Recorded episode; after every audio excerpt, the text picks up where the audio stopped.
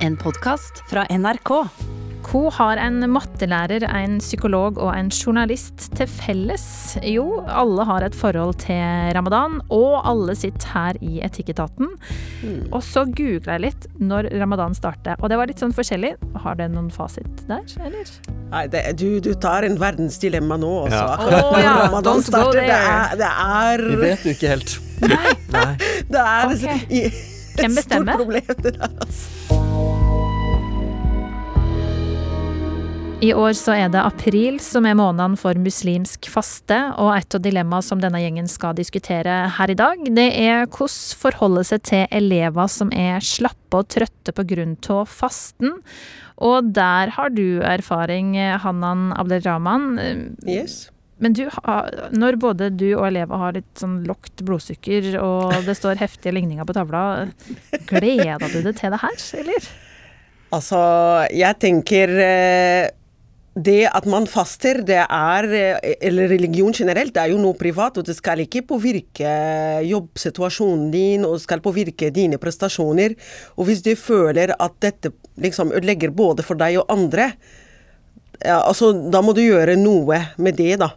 Så hvis jeg, jeg er lærer f.eks. har ansvar for mange barn og skal ut i skogen med dem, og så jeg har lavt blodsukker, som du sier, da, og så klarer jeg ikke på en måte å ta vare på disse barna, da, da må jeg nesten avslutte eller avbryte fasten og gjøre det kanskje ta igjen en annen dag, da, hvis jeg, det gjør at uh, dette her blir på bekostning av min jobb, da. Når jeg også har ansvar for andre, fordi det, det, det er mange andre muligheter og mange andre ting man kan gjøre når man faster. Og hvis det er sånn at jeg skader andre, eller det påvirker min jobb, eller påvirker familien min og sånn, så det fins andre alternativer. Det her må vi bore litt mer i i løpet av eh, denne Ja, eh, timen. Eh, Amir Horori, eh, du er til vanlig å høre på radiokanalen MP3. eh, Har daglig kontakt med det her potensielle slappe elevene. eh, Og så skal du være programleder i Festen etter fasten også, på NRK TV. Eh, Har du vært en sånn fastende, litt slapp, ukonsentrert elev? Ja, det har jeg, altså.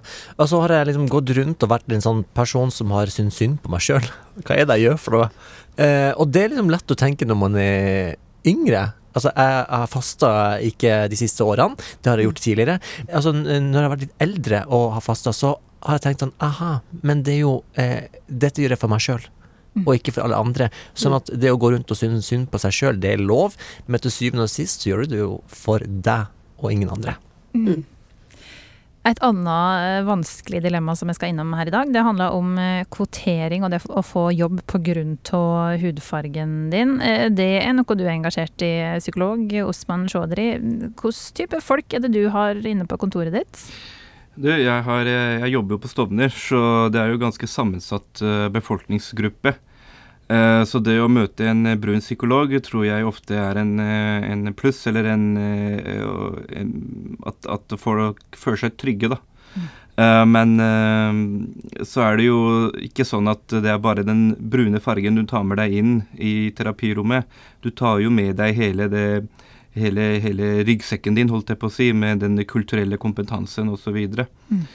Mm. Det her skal vi også liksom, rote litt mer i. Det er masse sånn teasing her i eh, starten av Etikketaten. Men eh, Osman, markerer du ramadan?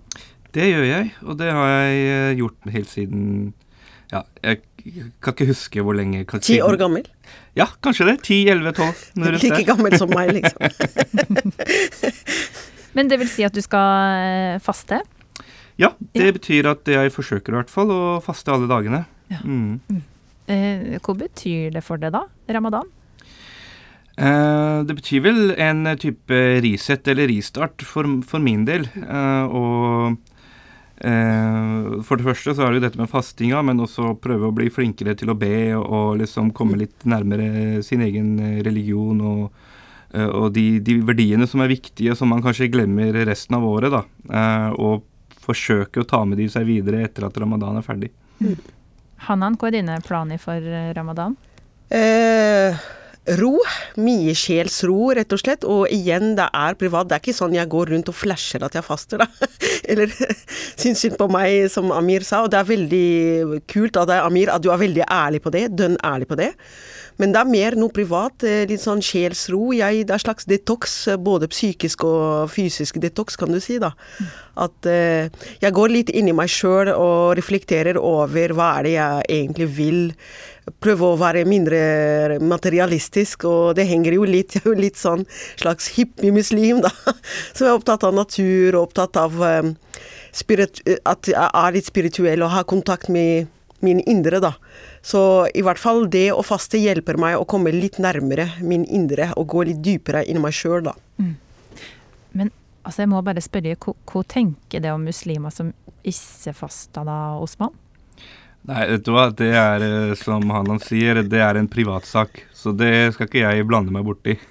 Det Altså, skal ikke være fast politi i dag også. og folk fast man, har jo mange, man kan ha mange forskjellige grunner til å ikke faste. Man skal jo ikke Altså, det kan være underliggende sykdom, det kan være liksom andre ting, det kan være en krevende jobb, det kan være mange hundre ting. Så hvis noen ikke faster, så, så blir det jo feil å holdt på å si, få noen tanker om det, fordi man kan ha sine egne grunner uh, som uh, man ikke vet. Jeg Eh, er veldig glad for at ikke vi har blitt uvenner allerede for at ikke jeg faster. Men, sant? men er fastepolitiet greia, Amir? Eller? I, ja de, um, de er, jeg, jeg tror, I mitt hode så tror jeg egentlig at de er greie, eh, men jeg, jeg er ekstra påpasselig. Altså, jeg har jo eh, sett eh, faste politiet gå litt frem og tilbake, f.eks. på et eh, kjøpesenter eh, i Bodø, der jeg er ifra, eh, og da har jeg tilfeldigvis hatt noe mat i hånda i ramadan måned. Og det eneste det, altså, det, altså, da er det bare rett og slett å putte maten i lomma med en gang og ikke bli sett. Så enkelt er det. Eh, og jeg vet at de egentlig er snill med meg, da, men jeg vil bare vise at eh, jeg vet at du faster, og så vet jeg at det er dumt av meg å drive og spise en stor, diger, deilig lefse rett fremfor deg. men, men du, kan jeg si noe annet eh, som er drittmorsomt, da? Apropos fast politi. Fordi eh, vi damer, ikke sant, vi, vi faster ikke når vi har mensen, da. Og det er sånn, også vi muslimske damer da, som har hijab og sånn, eller du, du tør ikke å spise, selv om du kan spise og du har mensen, fordi alle rundt deg skjønner at du har mensen. Så det blir litt sånn Nei, nei. nei. Det, det gjør jeg hjemme, liksom. Åh, eh, en av de tinga som jeg har eh, stadig hørt i forbindelse med ramadan, er at under ramadan så skal du være en god muslim.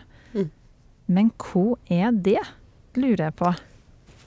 Eh, noe som man ikke snakker så mye om, er jo det her med å stoppe helt opp og bare tenke litt på hva er det som skjer rundt meg. Det handler om å være litt ekstra vennlig.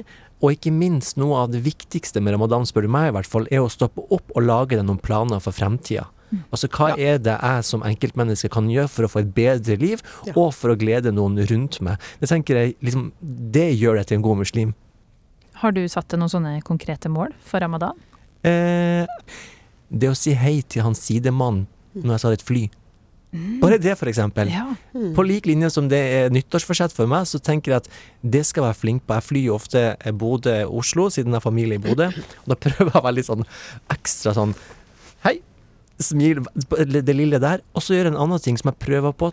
Mm, Kjøp noe godt, da. Eh, Til venner etter, eh, etter at fasten er blitt brutt. da. Da har du noen utfordringer du satt deg sjøl i april måned. Lykke til. Vi ringer på det på slutten av måneden og sjekke. Eh, vi skal eh, snart inn i første dilemma her i Etikketaten, men eh, først så skal jeg bare si det at eh, om du som hører på har et dilemma til oss, et eh, spørsmål som du vil at gjengen i Etikketaten skal tenke høyt rundt, så er altså e-postadressa vår etikketaten krøllalfa nrk.no. I Etikketaten i dag så sitter altså Hanan Abdelrahman, den eminente mattelæreren, til og med kåra til Norges beste mattelærer. Osman Chaudhry, den banebrytende psykologen som kjempa for å fjerne tabu rundt psykisk helse. Og Amir Forori, som er et forbilde for unge radiolyttere og programleder for Festen etter fasten. Og det første dilemmaet i dag, det kommer fra en lærer på ungdomsskolen. Hei. Som lærer så syns jeg det er vanskelig å ta hensyn til elever som faster under ramadan. Elevene blir ukonsentrerte når de ikke tar til seg verken vått eller tørt i løpet av en skoledag, ofte i ei tid med varme dager. Mange klager over hodepine pga. dehydrering, og klager over at de ikke er i form til skolearbeid. Dette i hverdagen, og så dukker avgjørende heldagsprøver opp. Fasten kan da få store konsekvenser når det ikke fungerer optimalt på viktige dager. Jeg kan ikke forstå at det skal være greit å sette skole eller arbeidsliv på hold for å klare å gjennomføre fasta. Det er jo mange religioner som faster til svært ulike tider, og dette gjør det vanskelig å drive skole. Sånn jeg ser det, er utdanning viktig, og dyrt. Og dersom intensjonen med faste er solidaritet, så tenker jeg at en må gjøre et valg. Men jeg syns det er vanskelig å stille krav til elevene når jeg sjøl står utafor tradisjonen. Hvordan kan både jeg og elevene få ei god fastetid uten at det går utover læring og trivsel? Helsing Else. Ja. Og så her må vi få litt sånn kunnskap på plass. Eh, først, når, når begynner en å faste? Hvor gammel må en være da, Osman? Uh, det kommer jo litt uh, an på på en måte et eget valg, egentlig, og kanskje et familievalg. men i utgangspunktet så er jo når du på en måte har kommet i puberteten, så regnes du som voksen, og da skal du begynne å mm. egentlig i utgangspunktet begynne å, begynne å faste. Hannan, du har jo unger som ja. har begynt å faste, så det har liksom vært i det her brytningspunktet mm. eh, ganske nylig. Nå, var det deres valg at nå er jeg voksen nok til å eh, faste? Altså, jeg, både jeg og deres far har aldri presset dem til å gjøre det. Men de ville gjøre det nesten eh, fra siden de var veldig små, og det var vi som stoppa dem av å gjøre det, på en måte. Mm. Men vi har aldri presset, og de gangene f.eks. guttene mine kom til meg og sa 'mamma, men eh, denne uken her vi skal gjøre det og det i gymtimen, og jeg tror, ikke, jeg tror ikke jeg kan faste'. De valgte selv, og de dagene de ikke klarte å faste og ønsket å prioritere andre ting, så fastet de ikke og tok opp igjen andre dager, da. Okay, det var så... deres løsning, på en måte, da. Så det er en liten sånn fleksibilitet her, eh, Amir? Er det? Eh, ja, altså det viktigste er jo bare å forstå at barn skal ikke faste, og det skal heller ikke eldre mm. mennesker som er syke eller gravide, nei, nei. eller noen som altså, har grunn til å mm. ikke faste, skal ikke faste. Mm. Og så eh, Det er veldig godt at du sier at, at, man, eh, at, man, holder tilbake, for det var akkurat det som skjedde med meg, faktisk. Altså mm. når jeg begynte å faste, så eh, sa mamma og pappa at du får ikke lov å faste. Men jeg mm. hadde lyst til å gjøre det fordi at jeg så at de andre fikk det til. Og jeg har alltid vært et konkurransemenneske og har fighta, enten det har vært fotball fotball, håndball eller løping eller lengde, mm. så har det alltid vært konkurransemenneske. Så jeg skulle få det til. Og jeg sto opp midt på natta for å spise mm. mat med mamma og pappa og resten av familien før eh, sola begynte å mm. skinne over Bodø. Eh, og det gjorde at pappa og mamma ble litt irritert på meg. Mm. Eh, og det betyr at de prøvde så godt de kunne holde tilbake igjen. Mm. Ok, eh, men eh, du nevnte han at det går an å ta igjen dager. Er det sånn at du kan uh, slippe opp, ete på eksamensdagen, og så ja. fast, fast Jeg er ikke noe imam også, men det er min uh, subjektiv forståelse som fornuftig muslim. Eller ja, jeg vet ikke om jeg er fornuftig muslim engang, da, men uh, helt sånn Helt hanan, på en måte, som har vært lærer og mor. og og sånn, Så jeg tenker, ut fra det jeg forsto da, og det jeg leser, at hvis man har god grunn for å ikke faste, så kan man ta opp igjen, ja. Ok.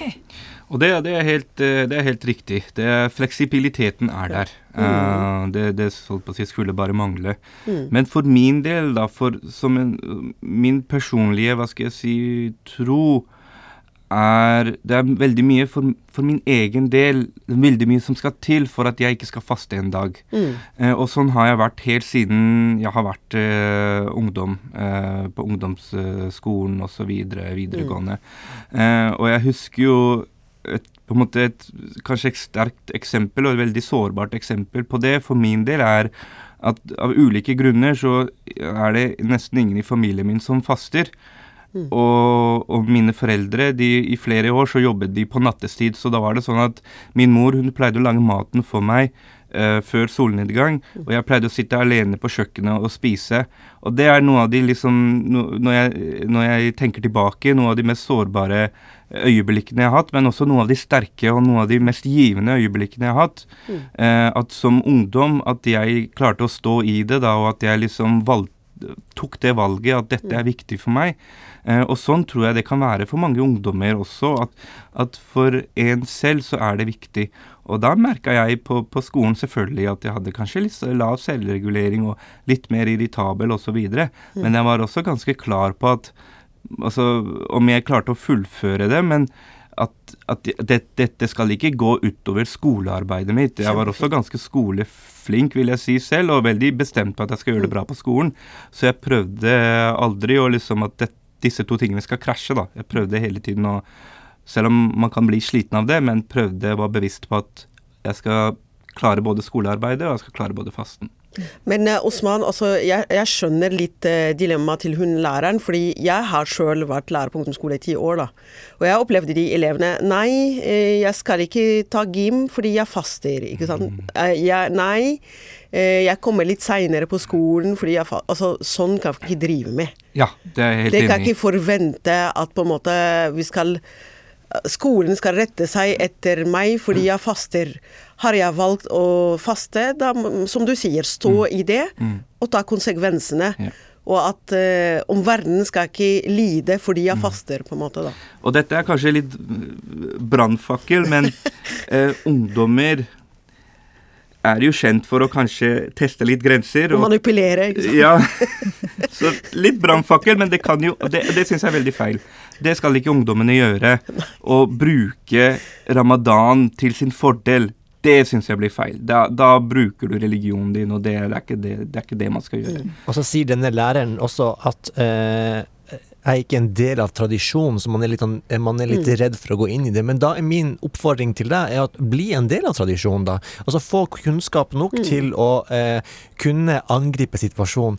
Eh, og har du det, så er det mye enklere å, å, å angripe det. Og så vil jeg bare si at eh, det er kjempeviktig å poengtere til disse mm. elevene at dette er noe du gjør for deg sjøl. Mm. Og dette er mm. ikke noe du gjør for de rundt deg. Eh, sånn at eh, hvis du ikke får det til, Eh, så er det greit. Da har du tatt et mm. valg der. Og da tenker jeg at da kan ikke du komme på eh, inn til klasserommet og eh, bruke altså ramadan måned som en unnskyldning for å komme for sent på skolen. Mm. Eller en unnskyldning for å mm. ikke være med i gymtimen. Da har eh, du feiler, tenker jeg. Og da er det kjempeviktig at læreren mm. blir en del av dette, mm. eh, og heller heier på og applauderer på sida og sier at du kan få det til hvis du vil, og hvis du ikke får det til, så er det greit, det også. Mm. Ja.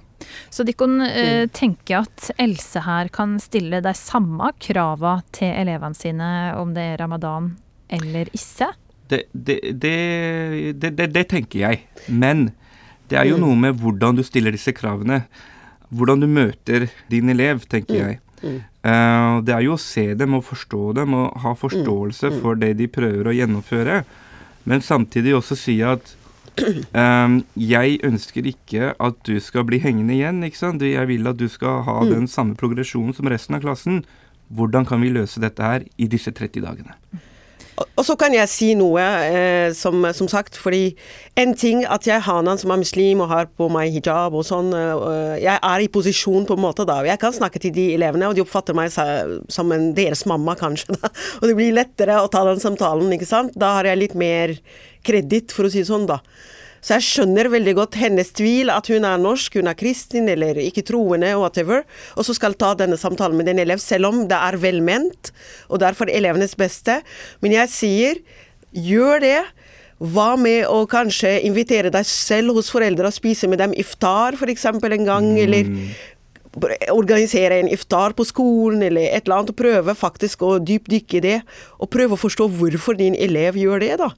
Kanskje de gir at eleven blir lettere å snakke sammen, og at eleven kanskje aksepterer mer av det du sier, da. Hva er iftar? Iftar det er eh, når vi åpner fasten etter solnedgang. Da begynner Osman å smile igjen. Der har han drukket kaffen sin og fått lukket sukkeret opp og kan smile igjen til kona. Men når kan Else si 'nå trenger du et glass vann'? Eller nå trenger du å ete en banan? hvis eleven rett og slett hun ser at eleven begynner å bli dårlig, og liksom ikke fungerer normalt, da, og bøller skikkelig liksom med andre og begynner liksom kjefte på andre og sånn, enten du oppfører deg på en måte nå, du har tatt det valget, eller må du faktisk drikke? Det rett og slett jeg hadde tatt og ringt foreldrene først, da. Fordi det er foreldrene som eh, først og fremst har ansvar for eleven i Mm. denne alderen. Så hadde jeg tatt kontakt med pappa og mamma og sagt eh, dette går ikke. Eh, hvis han skal på sett og vis faste, da må han følge de og de reglene. Hvis det går utover fellesskapet, da må han nesten drikke og spise, da. For det Ja. kan jo ikke være eh, Guds vilje at eh, fasten skal gå utover eh, karakterkortet. Nei, absolutt? Nei, ikke. Og jeg tror absolutt ikke, ikke. jeg tror ikke det er foreldrenes vilje heller. Nei, nei. Eh, og liksom hvis, hvis hun er bekymret for Mm. at dette begynner å gå utover skoleprestasjon, og dette at eh, eleven begynner å henge etter, så som Hanan sier, ta et møte med foreldrene og, Mm. og uttrykk din bekymring. Mm. Um, og så er det jo litt dette med også hvordan var eleven før ramadan? Altså Er Ja. dette en eh, superelev, eller er det en bråkebøtte som har blitt en enda større bråkebøtte under ramadan? Det, det er jo uh, kanskje en viktig informasjon Mm. som ligger der også. Har du noen eh, triks i ermet, Hanan, eh, når du og elevene har litt lavt eh, blodsukker? Altså, det gjelder eh, rett og slett eh, For å være helt ærlig, for min del, eh, jeg, jeg blir veldig rolig i ramadan, ja da. Det jeg syns er veldig viktig, at de jobber med søvnmønstre og faktisk våkner tidlig og spiser noe næringsrikt som på en måte holder bra blodsukkernivå hele dagen. F.eks. havregryn, banan, nøtter, sånn næringsrike ting. Og drikke rikelig da, før soloppgang, slik at eh, de har stabil blodsukker gjennom dagen. Men så klart, hvis man bare er på sosiale medier og på YouTube og spiser ikke før man legger seg og sånn, så det blir ikke noe bra dagen etter, da. Hvor kan Else gå for å finne informasjon, eh, Amir? Du snakka om at det var en veg til å møte disse elevene. Bortsett fra å høre på Etikketaten, har hun sikkert lært masse allerede. Eh, Her eh, har man jo um, mange internettsider man kan bruke. Jeg vet jo at eh, islam.no er jo en side hvor man, hvor man kan eh, få fakta om, om islam og om hva det handler om. Ja. Mm. Ok, da har vi fått litt eh, tips og triks der, og så håper vi at eh, Else har eh, lært en god del allerede, og andre om eh, hvordan forholde seg til det her kanskje litt slappe elevene eh, under ramadan. Ok, vi skal videre til neste dilemma her i Etikketaten, og det skal handle om kvotering i arbeidslivet. Og i panelet her så sitter altså en eh, mattelærer og høgskolelektor, en psykolog og en journalist og radiostemme, Hanan Adel Rahman, Osman Chaudhry og Amir Horori. Og dilemmaet er altså er det rett at pigmentet i huden din skal være med å bestemme om du får en jobb eller ikke? Almir Martin i Senterpartiet har stilt spørsmål ved kvotering eh, nylig. Han er nemlig skeptisk til at politikere får en høy posisjon bare fordi partiet skal se inkluderende ut, og for å dra stemmer fra minoriteter. Da mista en troverdigheta, skriver han i et innlegg i Nettavisen. Innlegget handla om diskusjonen rundt hvem som skal ta over etter Hadia Tajik i Arbeiderpartiet. Almir Martin han er mm, kritisk til at enkelte folkevalgte politikere med minoritetsbakgrunn vil at arvtakeren til Tajik også skal ha minoritetsbakgrunn, mens det at de er dyktige politikere, det kommer i andre rekke. Så spørsmålet til panelet her er altså skal pigment i huden avgjøre om du får en jobb eller ikke? Amir, skal øh, en bry seg om hudfarge når en ansetter noen? Ja, men prikk, prikk, prikk. Her kommer det. Hvis jeg hadde fått vite at jeg har fått jobben hos NRK fordi at jeg er mørk i huden, så hadde jeg blitt skikkelig forbanna. Det er ikke lov, altså. Det er ikke sånn at jeg skal føle at jeg har fått denne jobben bare fordi at jeg er litt eh, mørkere enn deg i huden. Men jeg vet også at hvis jeg ikke var god nok, så hadde jeg aldri fått lov til å være på radioen. Og jeg vet med meg sjøl at jeg har noe et eller annet å gjøre på radioen, og at jeg kan litt formidling, og at jeg kan prøve å underholde litt. Eh, og med det i min bagasje, og med det i mente, så tenker jeg at da vet jeg at jeg har noe å gjøre i den bransjen, og noe å gjøre eh, i radio. Men jeg vet også at det at jeg er mørk i huden, og det, er, det at jeg er fra Bodø, og det at eh, jeg er den jeg er, gjør at jeg forhåpentligvis kan engasjere og eh, fortelle folk eh, med ulik bakgrunn ut i, i, i Norge at du kan få det til hvis du vil. Og jeg kan også treffe andre på en annen måte enn det du kan. Jeg tror jo at hvis Hadia Tajik ikke var flink, så hadde hun aldri, aldri fått lov til å være nestleder. Hun hadde aldri fått lov til å være statsråd, og så enkelt er det. Jeg ble litt det- rød i øynene nesten, for jeg ble litt sånn irritert, fordi at jeg tenker ehm, hvis man får en følelse av at man har kommet i den posisjonen fordi at noe ved utseendet vårt har ført oss dit, eh, så kjenner jeg det litt sårt, og jeg kjenner også at ja, det er lov til å føle seg litt irritert, og det er lov til å si ifra også, men man skal også vite at hvis man altså ikke har noe i den bransjen eller den jobben å gjøre, så hadde man ikke fått lov til å være det over lengre tid. Hvorfor trengs det psykologer med minoritetsbakgrunn eh, da, Osman? Ja, før jeg svarer på det, så vil jeg si at det, det spørsmålet da, at folk, eh, altså mørkhudede, skal bli kvotert inn altså, Jeg syns det blir veldig forenkling, da, fordi det er ikke bare hudfargen det er snakk om. Det er hva den hudfargen bringer med seg. Og det er noe helt annet enn det en, et, en, kanskje en hvit hudfarge bringer med seg av kulturell kompetanse, av bakgrunn, av, øh, av tankesett, av en, et ståsted, et synsvinkel som man kommer med inn i et arbeid. Det er derfor det er så viktig å ha psykologer med mangfoldig bakgrunn. Det er bare, det er ikke fordi at en brun psykolog kan øh, behandle en øh, brun pasient bedre, men det er på en måte det sammensetningen av psykologstaben i Norge at hvis, man, hvis det reflekterer det Norge vi er i i dag, så vil man da få bedre helsetjenester. Man vil i hvert fall ha en forutsetning for å utvikle bedre helsetjenester. For å få en mer variert forskning eh, med spørsmål som kanskje en hvit person aldri hadde tenkt på, men en brun person tenker på. Et eksempel er hovedoppgaven som jeg skrev under studiet om eh, psykisk helse og psykisk helsehjelp blant eh, folk med innvandrerbakgrunn. Og de funnene jeg gjorde der uh, Foran meg satt to sensorer. Dyktige, med lang erfaring, professorer, to kvinner, skrevet masse bøker og sånt. Men som er helt sånn målløse, fordi dette har de ikke tenkt på før. Og da sitter jeg der og, og bare uh, snart uh, ferdigutdanna med mye mindre erfaringer de har, og tenker Så jeg har kommet med noe unikt, faktisk. Jeg, det jeg har skrevet, det har bare ikke vært i mitt hode. Det er faktisk Dette er viktig, på en måte. Så det er et eksempel på hvor viktig det er å ha en en blandet uh, Nonstop-pose, da, uh, som er uh, psykologstaben. Men det betyr selvfølgelig ikke det at du skal bli valgt pga. hudfargen din, selv om du ikke kan jobben, på en måte. Det hadde vært veldig lett. Det hadde vært mye enklere.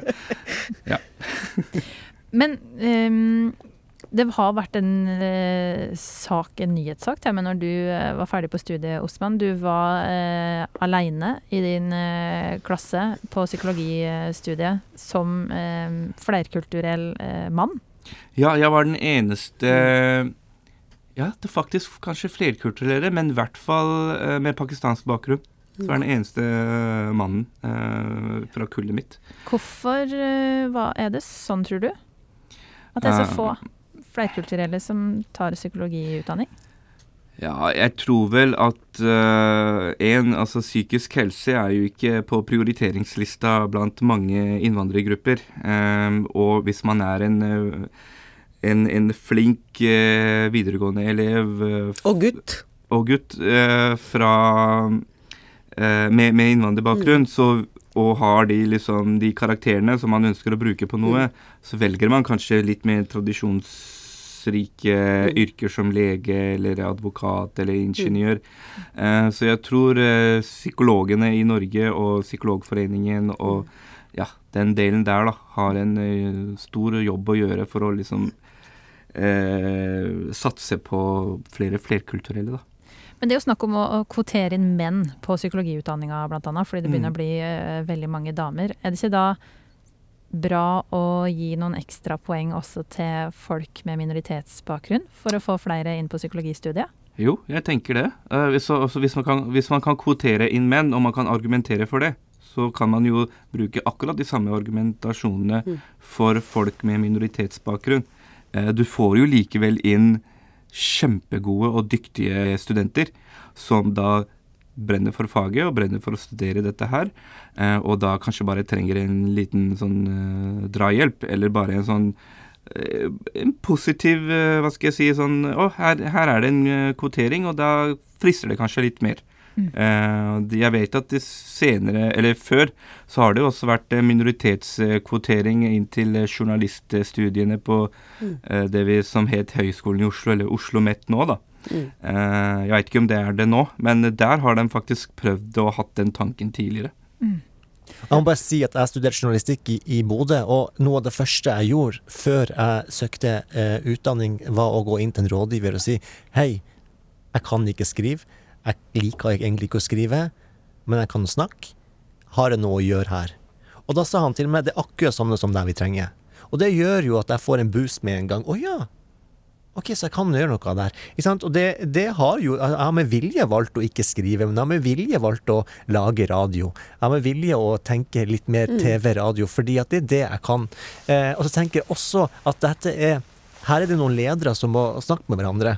Fordi hvis det er en leder der ute som bare har lyst til å få en mørkhuda person som pryder forsida deres utad i Norge, så har de tapt, ikke sant? Men hvis de gjør det fordi de forstår at her kan vi treffe flere, her kan vi faktisk Det er en grunn til at Coca-Cola, store selskaper, eh, svære, gigastore multinasjonale selskaper satser flerkulturelt, for de forstår jo at de kan treffe folk. Og så enkelt er det. Og hvis da, da ledere i Norge klarer å se akkurat den, enten du er leder for en journalistutdanning, eller du er eh, partileder, eller du eh, jobber med eh, ja, psykologer, lærere, så tenker jeg at hvis du klarer å forstå sjøl at dette gir en verdi til jobben din, så har man jo kommet seg et langt stykke, og det gjør jo også at du har lyst til å tenke flerkulturelt. Fordi jeg har også hørt om de som gjør det fordi at det ser så bra ut.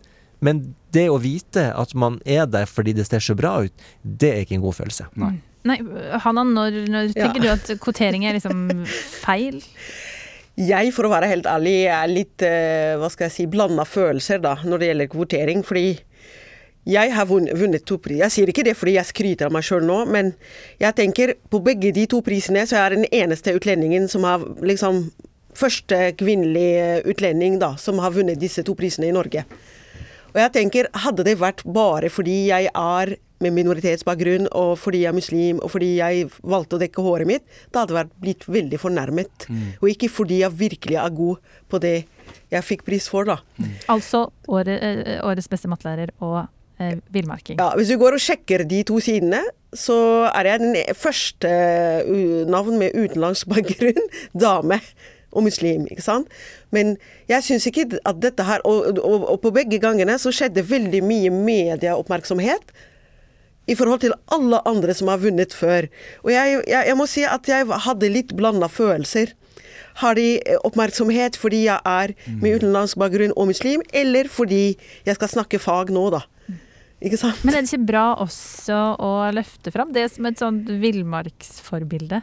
Ja, selvfølgelig fordi jeg er villmarksforbilde, fordi jeg er glad i naturen, fordi jeg kan det jeg driver med. Ikke fordi jeg er hanan som er med minoritetsbakgrunn og muslim. Det er, ikke det jeg ønsker å bli løftet for, da. Så det blir litt bismak, litt blanda følelse, da. Så jeg er veldig for mangfold. Jeg er veldig for flerkulturell forståelse og all dette. Men det skal ikke være på bekostning av kvalitet, eller fordi stakkars dem, vi må få dem med i fellesskapet. Mm. Det må være Det må jo være for å løfte kvaliteten. for å løfte den kvaliteten som og ressursene, at vi ikke taper noen ressurser i samfunnet vårt. da. At vi faktisk har alle med som kan gjøre noe. Men ikke fordi jeg er hanan, eller jeg er mørk, eller jeg er muslim, eller whatever, da. At jeg skal være med, men fordi jeg fortjener også å være med. Og Hanan, jeg må bare si en ting til deg som vi ikke har snakka så mye om. Det Ja. er Du er dyktig på villmark, perfekt. Ja. Men det at du ser ut sånn som du ser ut, er en kjempefin bonus. Det er helt nydelig, fordi at det gjør at f.eks. du kan fortelle eh, til innvandrerjenter der ute, som kanskje eh, har noen foreldre som er skeptiske til at jenter skal drive og holde på med eh, eh, å stikke ut i skogen og overnatte. Sånn. På villspor. Ja, men det er dessverre mange foreldre Ja. som er skeptiske akkurat det at du kan fortelle dem at vet du hva, det er lov. Det er riktig, og alle kan gjøre det. Da tenker jeg at eh, her har vi jo en situasjon hvor alle vinner. Eh, og det en, en god leder ser det. Selvfølgelig. Eh, men som sagt, jeg som villmarking, da, ute i skogen jeg tenker ikke, jeg ser for meg selv at jeg bare har den, egentlig. Jeg, jeg ser ikke hvor jeg kommer fra, eller hvor andre jeg går på tur med, kommer fra.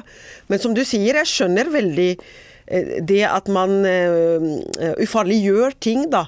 Fordi de ser en av oss går ut med Monsen. Da er Monsen kanskje en bra mann, liksom. Så liksom- Eller du er en bra kvinne. Sånn. Hun er fra oss, og hun, synes, hun er med, ut med han, liksom, så det går greit, liksom.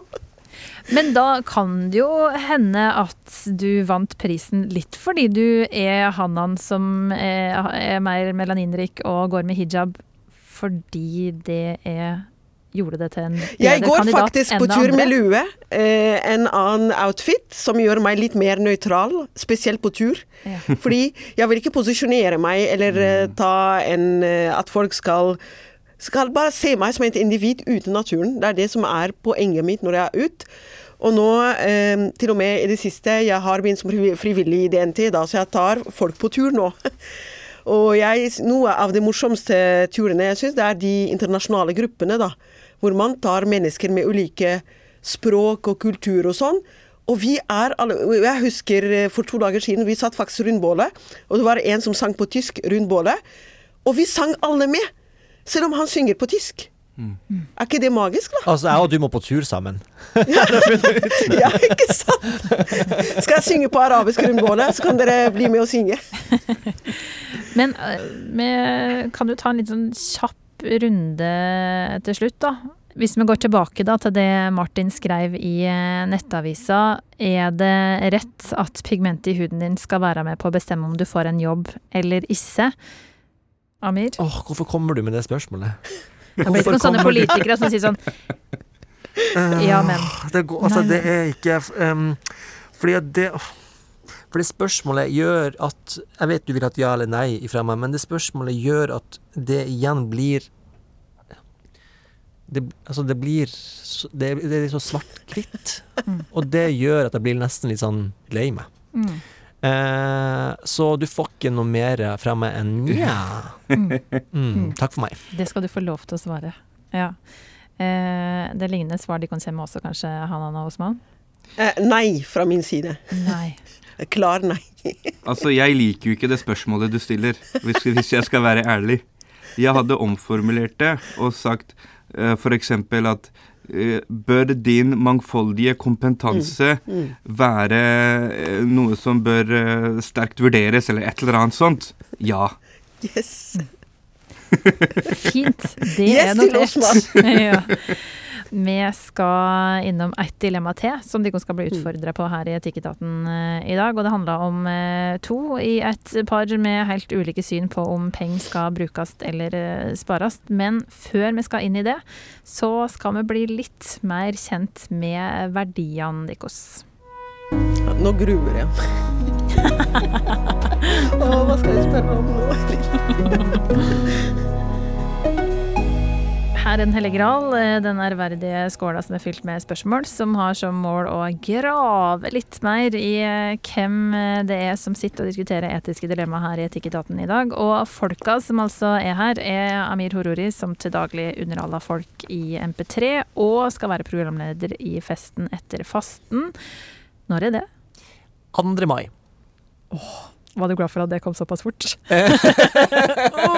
Vi skal først 30 dager med ramadan først, og så blir det fest. Ja, deilig.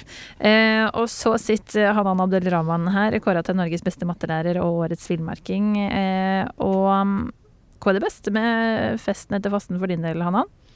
Eh, programmet. Eh, Du kan få svare Eller i privatlivet. Ja, din egen private fest. Jo, du markerer at eh, du, har få, du har fått til Du har fullført noe da, som du er stolt av sammen med familien din og fellesskapet. Det er jo kjempehyggelig. Osman eh, Chaudhry, psykologen her, Hvordan må til for at det blir liksom id på ekte for din del? Du, det er eh, Jeg tror det at uh, broren min og familien hans eh, kommer, om fra, eh, kommer over fra Sadnes uh, til oss, eller at vi drar over til dem, og at vi er samla som en familie eh, og markerer id og eh, deler gaver gaver til eh, barna. Mm. det, da har jeg den følelsen. Eh, men også at jeg da kan småspise gjennom hele dagen. For blir du ikke veldig fort stappmett etter å ha fasta? Jo, man kan bli det, men det er også bare den følelsen av at ah, nå kan jeg spise. Yes, her var det. Ja, men så fint. Eh, da skal dere få lov til å få en eh, utfordring her fra oss. Eh, Amir, har du lyst til å trekke? Ja, det kan jeg gjøre. Oh. Gruer du deg, Osman, eller? Snurrer litt rundt her. En oransje lapp på den, og her Oi! Å, herre. Nei, men det er et uh, fint spørsmål. Oh. Ja. Hvem er ditt forbilde? Er det noen som får et bilde opp i huet med en gang, eller? Ja, jeg har et, eh, et forbilde med en gang som dukker opp i mitt hode. Hun vet det ikke sjøl, og jeg jobber litt tett med henne, faktisk. Eh, og jeg har aldri sagt det til henne, tror jeg heller. Eh, noe som får meg til å tenke litt eh, at jeg, ja, du må huske å si det til henne. Fordi eh, når jeg, jeg har jobba med Festen etter fasten før, eh, og da eh, er det jo sånn at mennesker i redaksjon eh, driver jo og faster. En av de er jo Rima Iraki. Eh, hun eh, driver jo altså og jobber på og jobber på, og jeg har aldri hørt henne sur eller irritert. Eh, og det uten mat og drikke, mens jeg, eh, jeg faster jo ikke da. Eh, og det har jo fått meg til å tenke eh, Altså, jeg spiser eksempel aldri noe, eller drikker aldri noe foran henne. Og en gang så satte redaksjonen fram en svær Twist-skål, eh, og folk spiste, og jeg hadde så utrolig lyst på den twisten der, men jo, jeg tok tak i den, la krisen, tok den frem og skulle åpne den, så så hun meg, og så kastet den ifra meg med en gang. Hadde ikke så lyst til det. Og hun, Rima Iraki, den dama der altså, eh, som er en fantastisk flink programleder, som er fantastisk god journalist, og som gir en tilbakemelding til alle som er skeptisk til innvandring, til religion, at hei, det er helt vanlige folk. Altså, det er helt vanlig Altså, muslimer som faster, som eh, er litt litt bitte litt mørkere i huden, er helt vanlige folk. Vi trenger sånne folk som Rima Iraki. Så hun er et av mine forbilder. Det høres ut som et veldig bra forbilde. Og så høres det ut som en, en fin del av ramadan å faktisk si det til henne. Ja, det tror jeg skal si. til Ja, ikke tror det må jeg gjøre. Jeg har bare liksom aldri satt meg ned og Du vet, det er litt sånn kleint noen ganger å sette seg ned og bare Du er mitt filmforbilde. Ja. Nå tør du, nå tør du å si det til Ja, oss. ja, jeg håper Rima Iraki hører på Etikketaten og jeg føler at, eh, at hun får det kanskje gjennom her. En slags liten premiere ifra meg til henne. Men Norge trenger sånne som henne. Å, for et kompliment. Um, Osman, har du et uh, forbilde? Ja, Uh, det må være det, Jeg tror det må være storebroren min. Eh, ikke, han er langt fra feilfri, holdt jeg på å si, men eh, eh, han er en som jeg har sett opp til. Han er tolv år eldre enn meg, da. Eh, en jeg har sett opp til liksom hele livet. En som alltid har vært der. eh, både for meg, for sin familie. Eh, og uansett hva liksom livet har kasta på han, så har han kommet seg gjennom det, og har kommet seg gjennom det sterkere. Ehm, og eh, alltid eh, Alltid eh, Jeg vil ikke si fulgt drømmen, men han har tatt med Han har alltid prøvd å ta med familien sin eh, fremover. Samtidig så han, som han jobber med sine prosjekter og, og, eh, og sine drømmer, da. Eh, og alt fra liksom kroniske muskelsmerter eller smerter i føttene og liksom alle andre ting han har vært igjennom i livet, så har han alltid stått på, aldri gitt opp. Og som er litt ulikt meg, da jeg kan kanskje gi opp litt fortere og bli litt eh, lei meg, men Eh, og da er det godt å ha sånn, et sånt forbilde og en sånn storebror å, å la seg bli inspirert av. Da. Tror du han veit det? Uh, jeg tror ikke jeg sier det ofte nok. jeg er litt uh, ordknapp uh, foran han, tror jeg. Fordi han er en som er veldig glad i å snakke, og det sier alle rundt oss. Eh, hvis vi tar en tur fra Oslo til Stavanger, så er det liksom åtte timer med nonstop eh, monolog fra hans side. eh, så det er kanskje noe jeg kan, burde si litt oftere til han. At, eh, hva han faktisk betyr eh, for meg. Ja, det er fint å smette inn.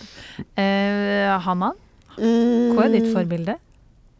Eh, egentlig to, men eh, jeg kan nevne en som kanskje ikke forventer at jeg kommer til å si det. Eh, fordi vi kan komme krangle litt og er veldig ulike mennesker egentlig, og det er faktisk mannen min, altså. Eh, han er verdens mest laid-back type. Klippe, på en måte, for alle rundt seg. Han, når han våkner til han legger seg, så rekker han over å ringe nesten hele familien, alle verdens deler, på en måte, og høre hvordan de har det. Alle skjer det et problem i hvor som helst i verden, fra alle i hele familien, så ringer de han, på en måte. Alltid rolig, alltid smilende. Gjør veldig lite av seg. Du merker ikke at han er der, på en måte. Selv om han gjør veldig mye, og betyr veldig mye for mange. Og så er han veldig sånn solid, rolig. Og hvordan han på en måte modellerer det å være en god mann og familiemann da, for guttene mine. De syns jeg er veldig forbilledlig. Så Mohammed, du vet at vi krangler om en del, og vi er veldig ulike mennesker. Men du skal vite at jeg respekterer deg høyt, og jeg ser alltid opp til deg, selv om jeg ikke sier det eksplisitt. Jeg irriterer meg noen ganger over hvor snill og grei og alltid ryddig som du er. Jeg er litt misunnelig. er ikke det her liksom i ramadan sin ånd å skryte litt av folk rundt seg? Ja. Vi skal ja, være flinkere absolutt. til det, men det, det, slår meg jo, og det virker som ingen av oss har faktisk satt seg ned og sagt du er mitt forbilde. Men det er også rart å si det. Altså, det er veldig rart å ja. ta en kaffe, spise middag Vet du hva? Nå har jeg tenkt Frem og tilbake, ditt og datt, Lag en svær sånn tale. Du er mitt forbilde. Det mm. gjør man jo ikke, på en måte. Nei, det blir pretensiøst. Ja, det blir litt sånn eh, Troverdigheten synker bitte litt, føler jeg, på den måten. Men hvis man kan si det gjennom etikketaten, så forstår man det. og hvis du da blir liksom sendt eh, lenke til podkasten av noen andre, ja. da varmer det ekstra stort, ikke sant? Her er det bare å mm. få ut etikketaten til hele Norge. Ja. Yes, det syns jeg er en god siste setning her i Det hellige gral. Vi skal tilbake til dilemmaet vårt med, og nå så skal de få lov til å hjelpe Maria.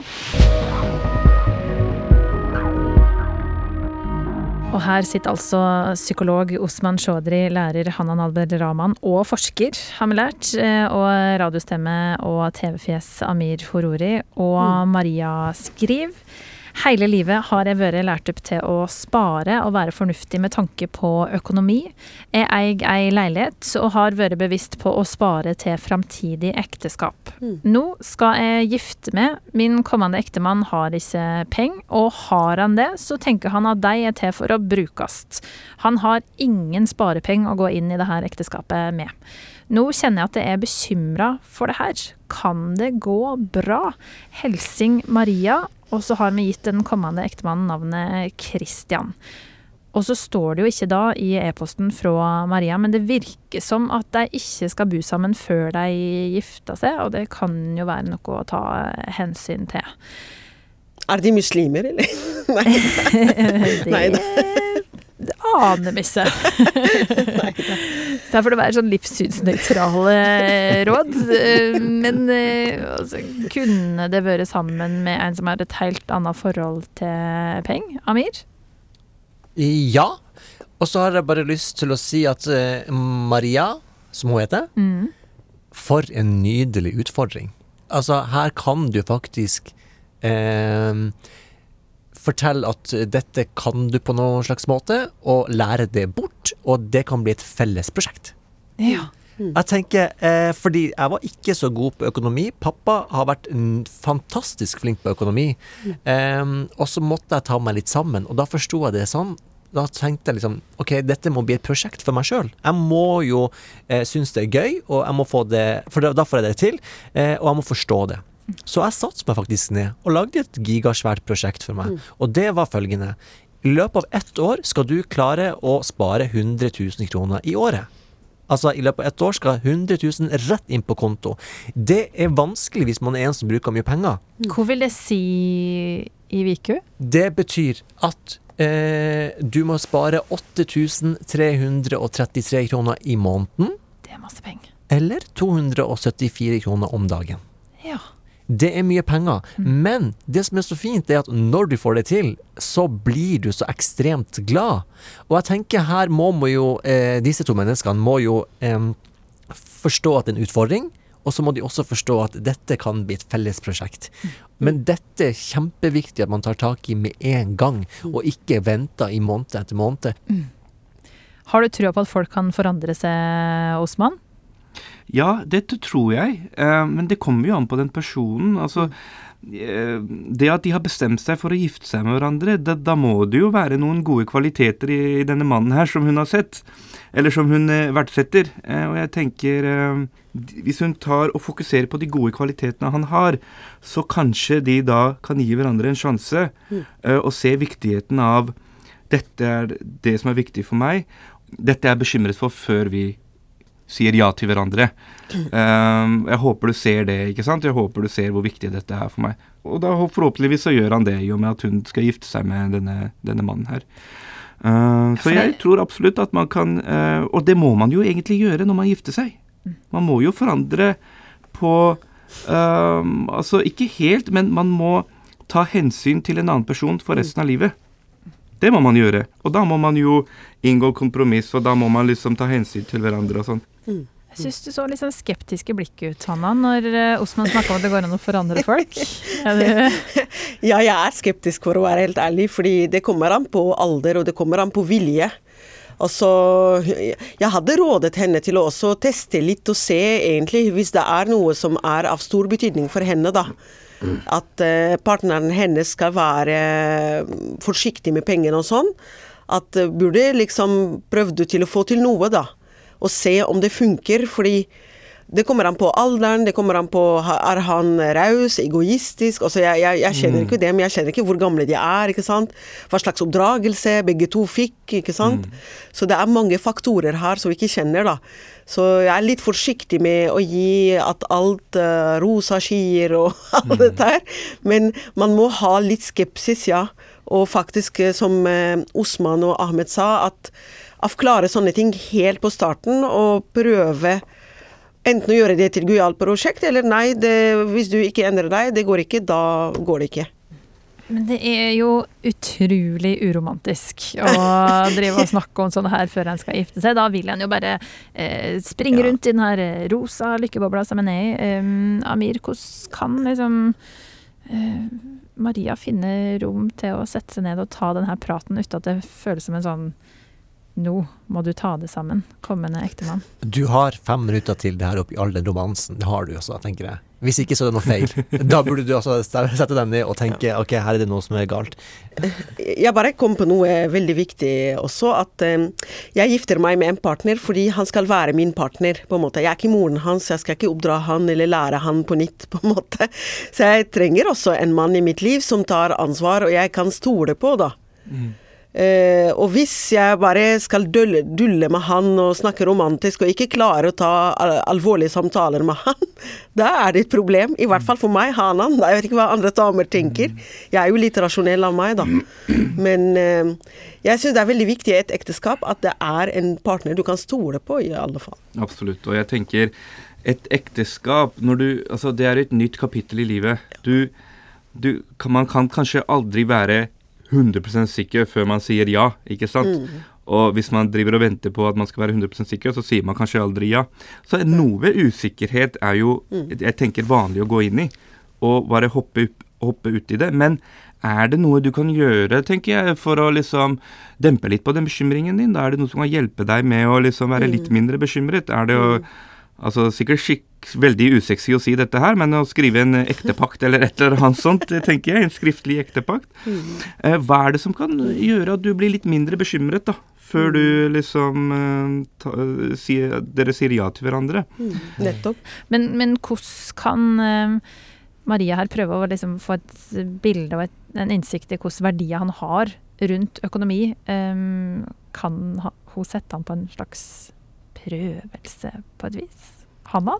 Ja, jeg tror faktisk det hadde vært eh, La oss si da, de skal organisere et eller annet sånn fest eller sånn, og se faktisk hvordan han gjør det, da. Og hvis det blir bare tull og pengeslusseri og sånn, så ja, jeg har tatt en prat, ordentlig prat og alvorlig prat. Ja, altså, som sagt, jeg, jeg syns ting som går direkte og ærlig sånn, lever lengst, da.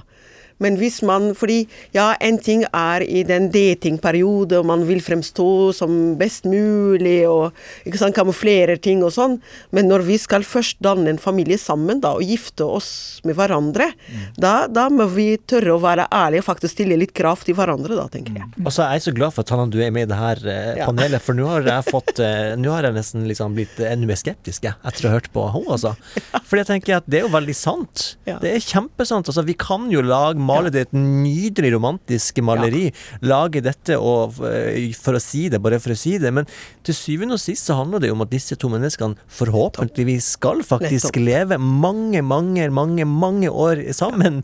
Og da tenker jeg at det at økonomi som er så viktig og så tullete også, Ja. eh, skal ødelegge. Da, eh, og hvis man ikke har koll på det, så tenker jeg at da er det et problem. Så, og økonomi er viktig. Ingenting gjør meg mer irritert når jeg ikke, eh, enn når jeg faktisk ikke har penger på konto. Da, blir jeg, det gjør at jeg blir irritert. da, da glemmer du at han er kjekk og Altså, at, eh, sånn- alt det der. Du, det, det er hverdagen som er igjen, på en måte, etter mange år med ekteskap. Den første liksom, forelskelsen, den forsvinner eh, ganske fort. Men hvordan vi behandler hverandre og stoler på hverandre, det er det som er igjen.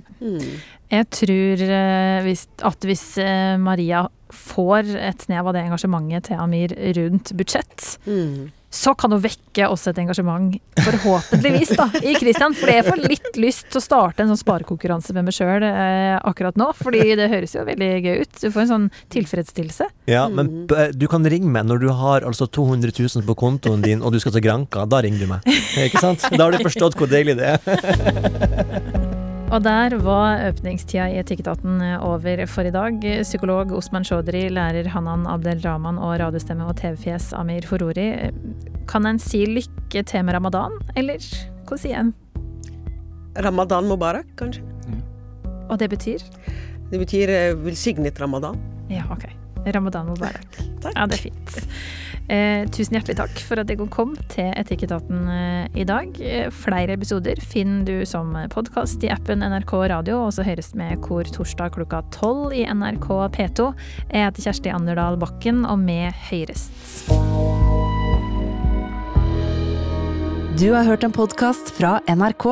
Hør flere podkaster og din NRK-kanal i appen NRK Radio.